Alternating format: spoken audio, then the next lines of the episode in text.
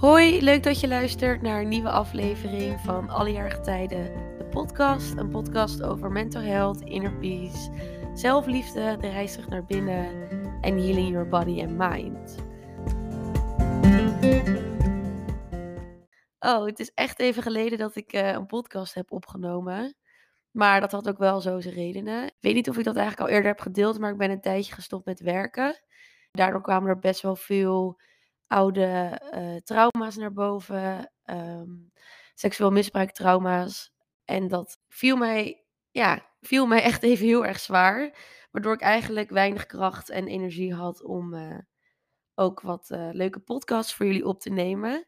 Maar nou, I'm back. En ik moet zeggen dat ik hier met een grote glimlach zit, omdat ik het echt heel erg leuk vind om weer te doen. Ja, ik wilde graag een nieuwe aflevering voor jullie maken. Ook over lessen die ik zelf heb geleerd. Vooral juist in een pittige periode. Zware periodes zijn altijd naar. Het is nooit fijn om je slecht te voelen. Maar uiteindelijk zie ik ook vaak de mooie les die erin verweven zit of die je eruit kan trekken.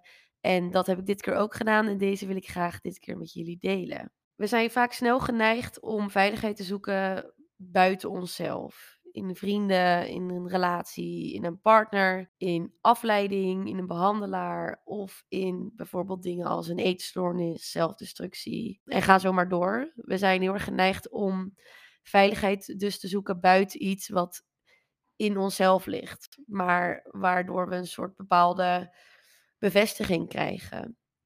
Wanneer je natuurlijk op zoek bent naar veiligheid, voel je je onveilig. En je wilt de bevestiging dat je veilig bent. Waardoor je een oneindige hand kan hebben naar dat stukje veiligheid. Maar wanneer we het buiten onszelf zoeken, maken we onszelf ook afhankelijk van hetgene waar we het in denken te vinden. We maken ons afhankelijk van een partner. We maken ons afhankelijk van een bepaalde vriend of vriendin. We maken ons afhankelijk van een bepaalde werkplek of iets waar we denken veilig te kunnen zijn. En wanneer je het dan niet tot je beschikking hebt, voel je je alsnog onveilig. De les die ik heb mogen leren deze periode is dat echte veiligheid in onszelf zit. En daar zou ik jullie graag meer over willen vertellen. Veiligheid is voor ons echt basisbehoefte nummer één als mens. Dat hebben we allemaal. Voor ons oerbrein staat veiligheid gelijk aan overleven. Bedenk maar dat toen wij echt het oermens waren, dat het alleen maar ging om veiligheid. Het ging alleen maar over overleven, over eten verzamelen, over jagen, over bij een groep horen. Het ging alleen maar over veiligheid. En wij zijn natuurlijk zo geëvolutioneerd dat we er allemaal dingen omheen hebben. Maar in de kern gaat het nog steeds om veiligheid. En is veiligheid de basis van het vervullen van je andere behoeften. Want wanneer je je niet veilig voelt, kan je ook geen andere basisbehoeften van jezelf vervullen. Omdat het dus zo gekoppeld staat aan overleven. En overleven is in de kern wat we natuurlijk allemaal willen. Veiligheid is dus ontzettend belangrijk voor ons allemaal. Maar veiligheid is ook voor iedereen anders. Voor mij is veiligheid het ervaren dat ik mijn emoties en gevoelens kan reguleren. Dat ik mezelf kan vertrouwen dat alles wat ik voel, dat ik dat kan dragen. En dat was voor mij echt een mooie eye-opener, omdat ik ergens geloof dat het in de kern daarom draait. Hoe iedereen de bepaalde veiligheid ook uit. Ik denk in de kern je je veilig kan gaan voelen wanneer je zelf ervaart dat je je emoties, gevoelens en alles wat daarbij hoort kan dragen. En dat jij zelf de comfort kan zijn die je zoekt. En nou zou je denken, ja, maar hoe dan? Hoe ga ik, hoe ga ik dat bereiken? Hoe ga ik dat doen? En dat snap ik. Ik heb zelf ook heel lang gedacht, maar hoe dan? Tell me, someone please tell me. Wat mij heeft geholpen is allereerst bewust worden van emoties en gevoel. Wanneer je je niet bewust bent van de dingen die je voelt en de dingen die je denkt en de dingen die je doet, is het heel erg lastig om te kunnen handelen naar wat je nodig hebt. Wanneer je niet bewust bent van jouw innerlijke wereld, kan jij jezelf ook niet geven wat je innerlijke wereld nodig heeft. Het kan bijvoorbeeld zijn dat je door je leven eigenlijk in een soort waas aan het rennen bent. Dat je compleet je afsluit van je emoties en gevoelens. Dat je maar door en door gaat. Dat je overal een stukje veiligheid probeert te zoeken in alles om je heen.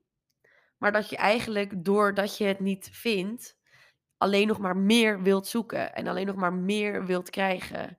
Een never ending hunt for more maakt ons juist angstig, omdat je voelt dat je het nergens kan vinden, waardoor je het vertrouwen een beetje verliest. Wat maakt dat je angstig wordt, wat maakt dat je behoefte hebt aan controle en waardoor je dus nog meer gaat zoeken. Terwijl wanneer jij je bewust wordt van hoe jij je eigenlijk voelt, is het veel makkelijker om uiteindelijk jezelf te geven wat je nodig hebt. Wanneer jij voelt, oh, in deze situatie voel ik me best angstig. Oké, wat is er in deze situatie wat mij angstig maakt? En aan het begin is dat nog best wel een soort puzzel, maar hoe vaker je je daar bewust van wordt, hoe meer patronen je voor jezelf kan gaan herkennen. Dus bijvoorbeeld, je kan je bewuster worden van bepaalde plekken, bepaalde soort relaties, bepaalde personen, bepaalde opmerkingen. Alles eigenlijk, als je je er bewust van wordt, geeft je een verhaal of een signaal van wat het met je doet. En het is onwijs lastig om dat verhaal uit te gaan pluizen, maar het is niet onmogelijk. En wat mij daar heel erg in heeft geholpen is journalen. Letterlijk opschrijven wat je voelt, hoe je wakker wordt, hoe je gaat slapen, hoe de dag was en wat kan ik voor mezelf doen. Ook heel belangrijk. Mediteren heeft mij ook onwijs geholpen om een bepaalde rust in mezelf te vinden en om bepaalde gevoelens echt te gaan voelen, omdat je gevoelens gaat herkennen. Je gaat herkennen hoe je je kan voelen in meditatiestand, wat voor mij een ruststand is. Daarbij helpt het je om echt bewust te worden van je lichaam en de signalen die je lichaam geeft. Want je, je lichaam vertelt je onwijs veel. Wij zijn in het leven zo geprogrammeerd om eigenlijk niet naar je lichaam te luisteren. Om altijd maar even dat stapje meer te zetten. Om altijd maar even door te gaan. Terwijl je lichaam donders goed weet wanneer het gevaar voelt. Of wanneer het onveilig voelt. Of wanneer het te moe is. En mediteren heeft mij daar heel erg in geholpen. Om mij bewust te maken van hoe bepaalde gevoelens in mijn lichaam voelen. Bijvoorbeeld als ik me angstig voel, dan krijg ik een soort uh, misselijk gevoel in mijn buik. Ik krijg een druk op mijn borst. Mijn hart gaat sneller kloppen. En toen ik altijd in overlevingsstand stond, wist ik niet dat het overlevingsstand was. Ik dacht dat het gewoon zo hoorde. Maar toen ik eenmaal ging mediteren en ook meer rust in mijn leven begon te voelen, merkte ik eigenlijk dat dat niet de staat was waarin mijn lichaam hoorde te zijn. Daarbij helpt in stil te zitten met jezelf ook ontzettend om te voelen wat er in je binnenwereld omgaat. Ik vond dit verschrikkelijk. Ik kon dit echt niet. Ik zette altijd muziek aan, of de tv aan, of ik was aan het bellen, of ik. Ik maakte er. Ik zorgde altijd wel dat ik niet in stilte hoefde te zitten, omdat ik heel erg bang was voor de stilte. Maar hoe banger je wordt voor de stilte, hoe banger je dus eigenlijk bent om je eigen emoties en gevoelens te zien en te horen en te omarmen. En wat mij heel erg hielp om te denken is, deze emoties zitten er toch al. En ze willen ook gezien worden en ze gaan niet weg voordat ze gezien worden. Dus let's face them en let's embrace them en laat ze maar komen. It's okay. Wat mij verder ook nog heeft geholpen is met mijn innerlijke kind praten. We bezitten allemaal een innerlijk kind. Dat is eigenlijk een hele jonge versie van de persoon die je nu bent. Misschien komt er wel een beeld bij je op of denk je, oh ja, zo zou dat innerlijk kind eruit zien. Dat innerlijke kind zit nog steeds in ons allemaal. We dragen dat ons, de rest van ons leven met ons mee. En het innerlijke kind heeft hele speelse, vrolijke, blije kanten. En dat innerlijke kind heeft ook kanten die misschien niet helemaal gezien zijn in je jeugd. Of die misschien nog een bepaalde pijn met zich meedragen. En vaak wanneer je je onveilig voelt of wanneer je je naar voelt, is het je innerlijke kind die je iets duidelijk probeert te maken. Het is vaak niet de huidige situatie die je naar of onveilig laat voelen, maar het is de huidige situatie die je doet denken aan bepaalde situaties of patronen van vroeger, waar nog pijn zat, die dat innerlijke kind met zich meedraagt en die daar nu aan wordt herinnerd in het hier en nu. Dus wat mij heel erg helpt, is wanneer ik me onveilig voel, of angstig voel, of naar voel, om met mijn innerlijke kind te praten. En misschien klinkt dat een beetje gek, maar Het kan ontzettend helpend zijn en het hoeft niet hardop, het kan ook in jezelf of op papier, maar dat je jouw innerlijke kind kan gaan zien in waar hij of zij nog pijn met zich meedraagt. Dus dat je kan vragen op het moment dat je je naar voelt, als je je ogen sluit en denkt: Oké, mijn innerlijke kind, wat probeer je me te vertellen? Wat is er aan de hand? Hoe kan ik je helpen? En wat heb je nodig? En dat je ook gaat proberen om jezelf dat te geven wat je innerlijke kind van je vraagt. En het hoeven niet per se hele grote dingen te zijn. Het kan ook zijn dat je innerlijk kind gewoon heel even gezien wilt worden, of heel even gehoord wil worden, of heel even wilt huilen bij je. En dat, dat mag. Het hoeft niet gelijk een life-changing ding te zijn wat je innerlijke kind van je wil. Vaak is het enige wat het innerlijke kind van je wil gezien worden op de plekken waar hij of zij eerder niet gezien is. En hoe mooi is het dat je dat nu op latere leeftijd aan je jongeren jou kan geven. Daarnaast is luisteren naar wat je nodig hebt ook ontzettend belangrijk. Want wanneer jij je grenzen continu overgaat, hoe kunnen anderen dan die van jou weten? Dat is eigenlijk een beetje met het eerste te maken wat ik zei over bewust worden van emoties en gevoel. Het is ook belangrijk om daarnaar te handelen. Je kan wel weten van oké, ik voel me daar naar of ik voel me daar onveilig, maar wanneer je er niks mee doet, zal het ook niet veranderen.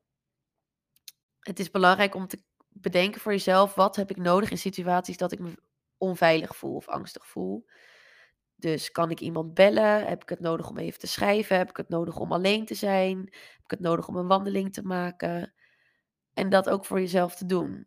Je kan het vertrouwen met jezelf herstellen wanneer je jezelf aan je eigen afspraken houdt. Wanneer jij continu afspraken met jezelf maakt van oké, maar als ik me daar voel, ga ik wel echt even dat doen, want ik weet dat dat me helpt. En het vervolgens niet doet, bewijs je dus eigenlijk aan jezelf dat je jezelf niet kan vertrouwen.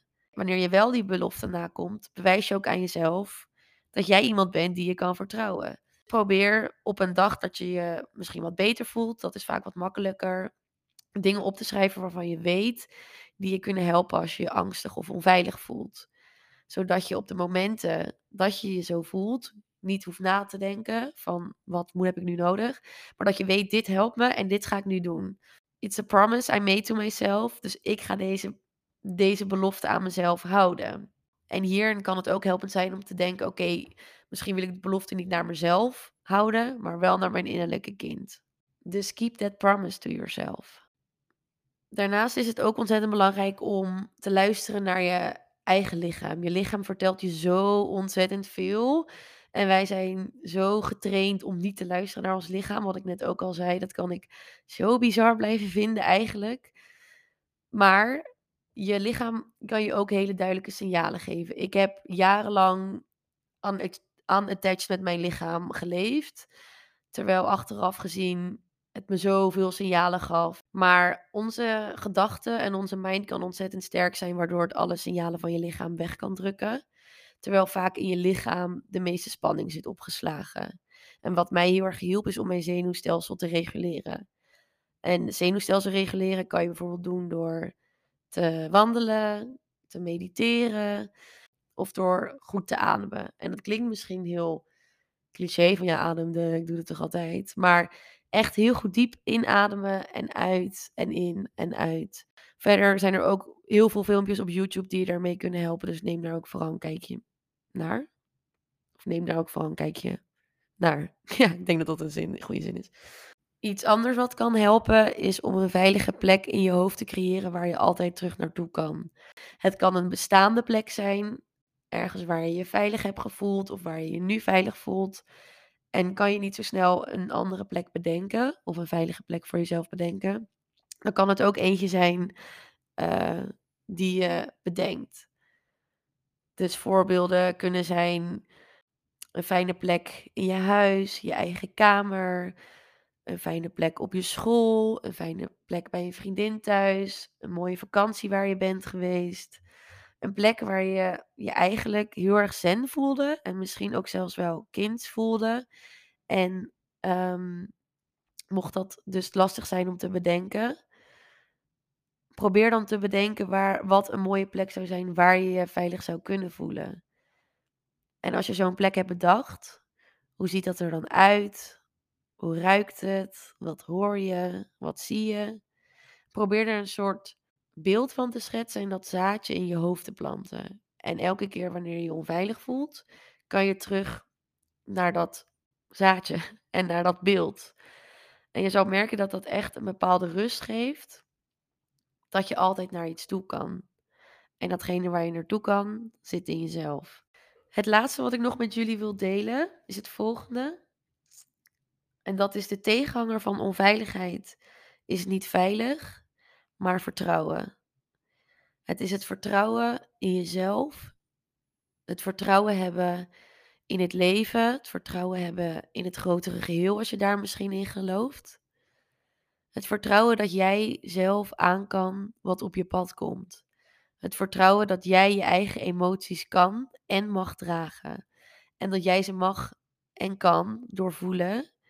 En dat er altijd weer een periode zal komen waarin je je beter voelt. Dat kan al op de dag zelf zijn, dat kan al over een paar weken zijn, dat kan al over een wat langere tijd zijn. Maar vertrouw. Vertrouw dat het komt en vertrouw jezelf dat je dit aan kan. Want wanneer je op jezelf leert te vertrouwen, leer je ook veiligheid te vinden in jezelf. Omdat je vertrouwt dat echte veiligheid bij jou van binnen zit. Ik hoop dat jullie deze podcast leuk vonden. Laat me vooral weten wat jullie ervan hebben gevonden. En dat kan via mijn Instagram. Dat is Nena Sanchez. In plaats van alle jaargetijden in mei. Ik heb uh, mijn naam veranderd. En mocht je willen weten waarom, dan kan je dat terugvinden op mijn Instagram. En als je denkt, Nena Triana hoe schrijf ik dat? Um, het staat ook geschreven in de bio van de podcast. Dus neem daar vooral ook even een kijkje. Nogmaals, laat me vooral weten wat jullie ervan hebben gevonden. Dat vind ik uh, super leuk om allemaal te lezen. En ik hoop jullie de volgende keer weer te zien. Heel veel liefs.